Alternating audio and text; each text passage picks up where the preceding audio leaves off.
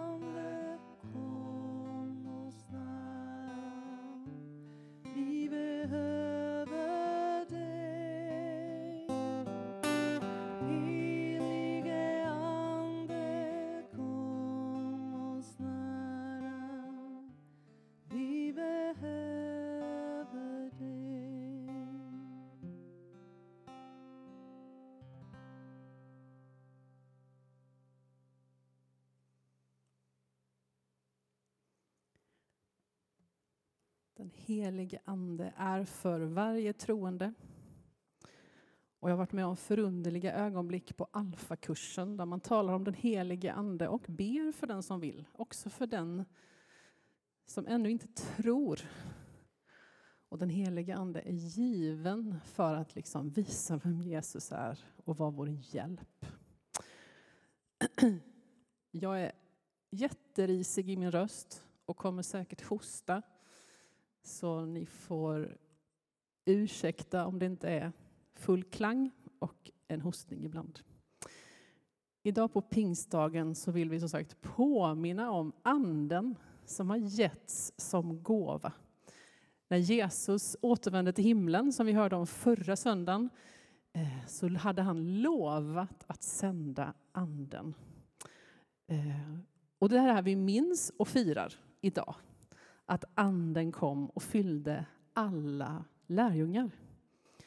Och när Jesus hade samlat sina lärjungar eh, strax innan sin korsdöd och liksom skicka med honom, skickade med dem liksom, det viktigaste han ville ha sagt i sitt avskedstal så sa han så här, och det finns i Johannes 14. Jag läser två olika verser där, vers 16 och vers 26. Så här säger Jesus till sina lärjungar. Jag ska be Fadern och han ska ge er en annan hjälpare som ska vara hos er för alltid. Och så han säger också, men hjälparen, den helige anden, som Fadern ska sända i mitt namn, han ska lära er allt och påminna er om allt som jag har sagt. Så liksom löftet och eh, förvarningen om att anden ska komma, den har Jesus gett sina lärjungar när han sitter ner med dem före sin död. Och sen kan vi läsa om när det här faktiskt sker, när löftet infrias i Apostlagärningarna 2. Och vi ska gå dit om en liten stund. Först vill jag gå till ett av Paulusbreven, nämligen Andra Timoteusbrevet, kapitel 1. Och där ska vi läsa tre stycken verser, vers 6 och 7 och 14. Och där står det så här. Därför påminner jag dig om att du ska blåsa liv i den nådegåva från Gud som finns hos dig sedan jag la mina händer på dig. Ty Gud har inte gett oss modlöshetens ande utan kraftens, kärlekens och självbesinningens. Bevara genom den helige anden som bor i oss det goda som har anförtrotts dig. Andra Timoteusbrevet är ett av de liksom mest personliga Paulusbreven. Och det skrivs ganska sent i Paulus brev och han sitter fången när han skriver det här. Timoteus är ju en yngre ledare som är verksam i Efesos. Eh, och Paulus är mentor för Timoteus. Och här vill liksom Paulus påminna Timoteus om vad han är och vad han har i Jesus. Timoteus verkar modlös och påverkad av motgångar. Och Paulus ger honom en rad anledningar att lyfta blicken. Han skriver inte rakt ut att Paulus är just modlös eller att han har backat liksom i sin tjänst. Men man kan ändå läsa in det mellan raderna. Och Paulus vill påminna Timoteus om att blåsa liv i den nådegåva han fått. Alltså den här andens utrustning och gåvor som ges oss av nåd var och en. Paulus trycker på det med argumentet, för vi har ju inte fått modlöshetens ande från Gud. Gud vill någonting annat. Kanske är det så att Timoteus har backat, slagit ner blicken, ställt sig lite i skymundan. Och Paulus försöker med sitt brev påminna den unge Timoteus om vem han är, vem Gud är och vad Gud har gjort i hans liv. Att ha mod, eller att vara modig, vad betyder det? Vi förknippar kanske ordet mod med ord som orädd, djärv järv, kanske till och med att vara lite äventyrlig. Och I så fall är ju motsatsen, det vill säga modlös, att man är rädd, feg, att man inte tar ut svängarna och att man inte vill ta några risker. När Paulus skriver om motsatsen till modlöshetens ande så skriver han inte att vi har fått modets ande. Inte ens att vi har fått frimodighetens ande. Paulus säger att vi har fått kraftens, kärlekens och självbesinningens ande. Vad är det som händer när du tappar modet? Vad är det som händer när vi tappar modet, när vi blir modlösa? Varför spelar det roll för Paulus att Timoteus verkar modlös. Jag vet inte hur det är för alla oss här inne. Jag vet att när jag blir modlös, när jag tappar modet, så backar jag gärna, bildligt talat i alla fall, in till en vägg. Sänker kanske blicken, tystnar. Och där in till den där väggen, eller rent av i hörnet, där är det ganska trångt. Där är utrymmet begränsat. Det är svårt att leva och röra sig in till en vägg eller in i ett hörn. När man sänker blicken då tappar man ju riktningen. Man ser liksom inte mer än precis marken runt fötterna. Man förlorar utsikten, perspektivet och det blir genast väldigt svårt att orientera sig. Och så tappar man ju också ögonkontakten med de andra som kunde möta ens blick med värme och uppmuntran. Modlöshet, det är starkt. Det är inte bara avsaknaden av mod i största allmänhet, utan det är faktiskt en rejäl och destruktiv kraft. Om mod liksom skulle vara en stor hög här bredvid mig. Här är liksom min hög med mod. Om jag tappade modet så tänker jag att det skulle inte bara vara att det hade jämnats med marken och så såg det ut liksom så här. Utan det skulle bli en stor djup grop av modlöshet. Det är inte bara avsaknad av mod, en sorts så här nollpunkt. Min erfarenhet är att det är ett djupt hål på minussidan. Det är en stor grop, kanske ett slukhål som äter upp glädje, beslut, vision, initiativförmåga, kreativitet, kanske klarsyntheten och högst troligt uthålligheten. Modlösheten gör oss handlingsförlamade och får oss att tappa riktning. Det är en stark kraft. Paulus säger det självklara till sin yngre kollega och vän Timoteus. Kanske lite sådär med glimten i ögat, lite smått ironisk. När man säger något sådär självklart så att det nästan blir komiskt. Alltså, inte som att Gud har gett oss modlöshetens ande, Timoteus. Hallå, du hör ju hur det låter. Och så ger han tre exempel på vad det är Gud istället har gett oss. Kraftens ande, kärlekens ande och självbesinningens ande.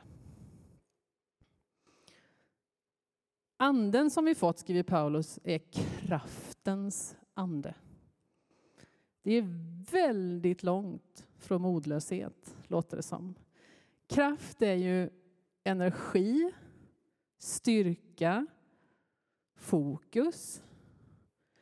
Kraft är ju något som ger utväxling, styrfart, genomslag, uthållighet, långsiktighet. Och anden är kraftens ande. Anden som varje troende har fått kommer till oss och är kraft. Och så skriver Paulus, anden som redan getts till Timoteus och till varje troende kommer med kärlek. Han är kärlekens ande. Vi blir genom anden, med andens hjälp, älskande efterföljare till Jesus. Vi blir lika den älskande guden. Vilken kraft! Sådan är anden som vi har fått. Han är kärlekens ande. Och så säger Paulus Anden som vi har fått är självbesinningens ande. Att besinna sig, det säger vi inte så precis varje dag. Men det betyder att överväga, att tänka efter, att sansa sig, att begrunda, Att liksom behärska den här allra första impulsen. Och det låter ju vid första anblick som lite okänsligt från Paulus. Timoteus, jag vet att du är modlös, men skärp dig, behärska dig, låt dig inte styras av din modlöshet. Men det Paulus säger är ju att Timoteus och alla troende har fått självbesinningens ande. Anden som har getts till oss verkar i oss så att vi kan besinna oss. Anden hjälper oss att se saker för vad de är. Att se Gud som han är, evangeliet som det är, motgångarna som det är. Det ger oss urskiljning att liksom se igenom lögn, komma ihåg vem Gud är och vad han har gjort i våra liv. Anden ger oss kraft att vänta, kraft att sortera.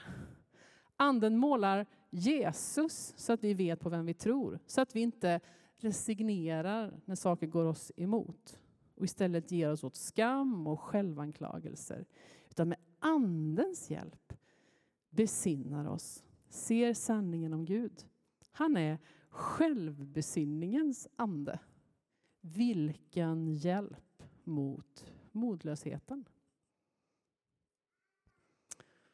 Så är det ju pingstdagen idag, som vi har sagt några gånger nu, när vi firar minnet av den första pingstdagen.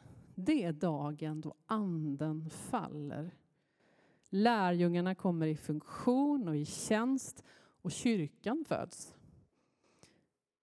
Den där första pingstdagen satt lärjungarna i ett hus, samlade. De var troligen modlösa eller kanske åtminstone rätt sådär förvirrade. De försökte ju förmodligen förstå vad i all sin dag de hade varit med om. Allt sedan de här dramatiska händelserna runt påsken och tiden därefter. De hade ju fått vara med den uppståndne Jesus. Men nu senast för bara tio dagar sedan hade de stått och sett på när han försvann från deras liksom synfält. Han lämnar dem ensamma och han gjorde sin himmelsfärd. Han hade ju lovat det här som vi läste innan, en annan hjälpare. Men hittills hade de inte sett röken av någon hjälpare. Faktum är att de sitter där helt ensamma, utan Jesus och utan någon ersättning. Men så är det pingstdagen och plötsligt sker någonting dramatiskt med lärjungarna. Någonting som för alltid förändrar dem. Och liksom förutsättningarna för kyrkans liv och uppdrag.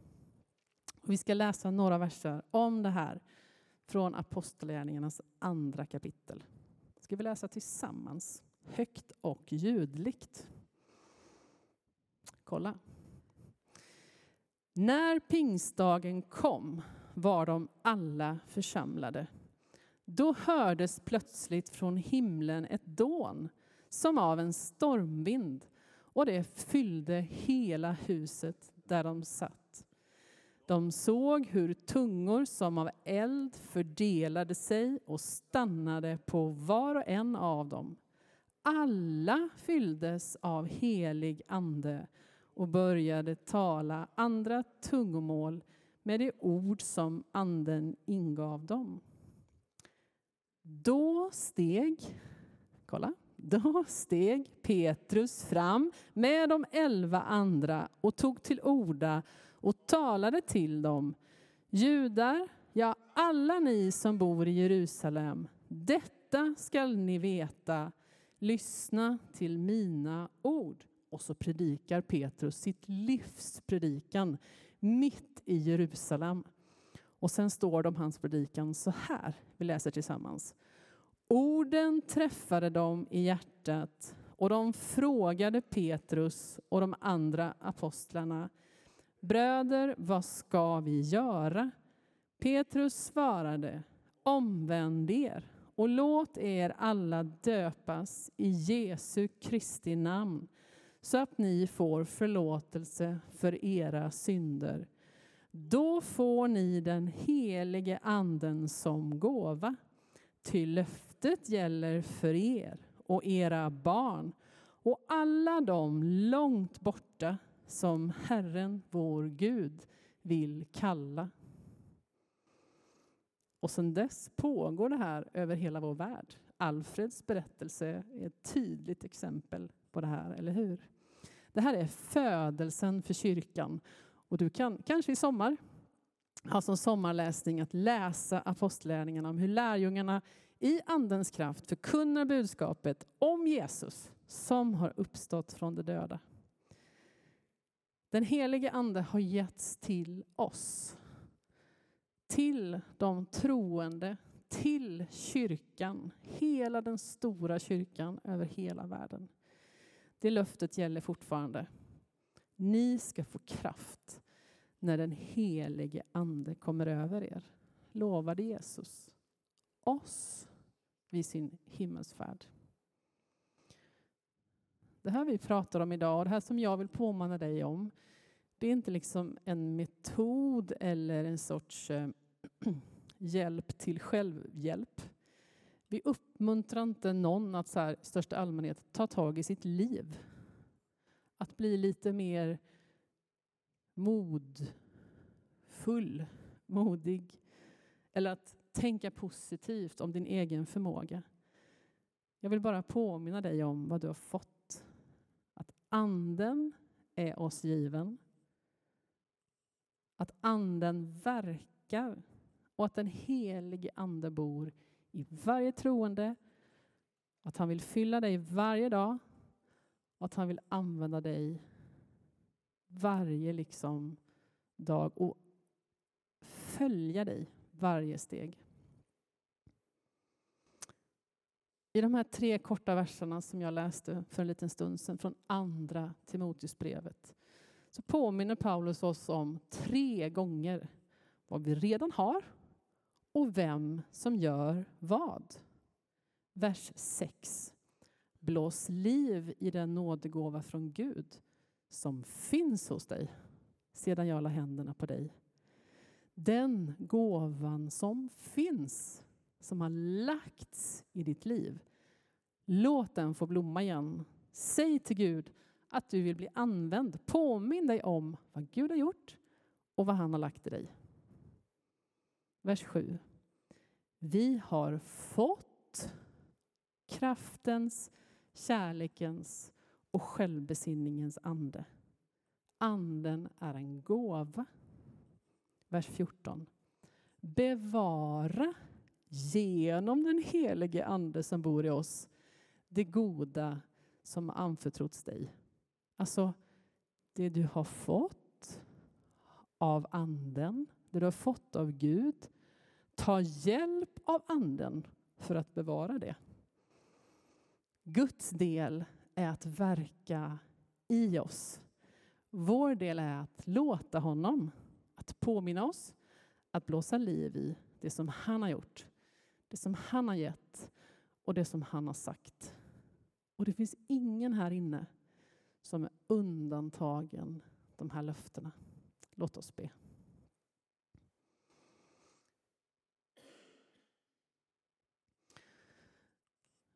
Herre, vi kommer till dig. Tack för den här dagen. Tack för det vi får fira, att du har gett din helige Ande till varje troende och till kyrkan. Tack att vi får verka i din helige Andes kraft. Tack för att ingen är undantagen. Ingen liksom behöver lägga till något mer i sitt liv först. Du har flyttat in i oss när vi har tagit emot dig med din helige Ande. Herre, du vet den som kanske särskilt idag vill och skulle behöva blåsa på det här med din hjälp. Den som kanske behöver bevara det som har getts genom din heliga Andes kraft. Herre, kom du och liksom påminn och blås du också här med din ande. Du är den som längtar på ett särskilt sätt. Tack att du är här. Var oss nära, vi behöver dig. Amen.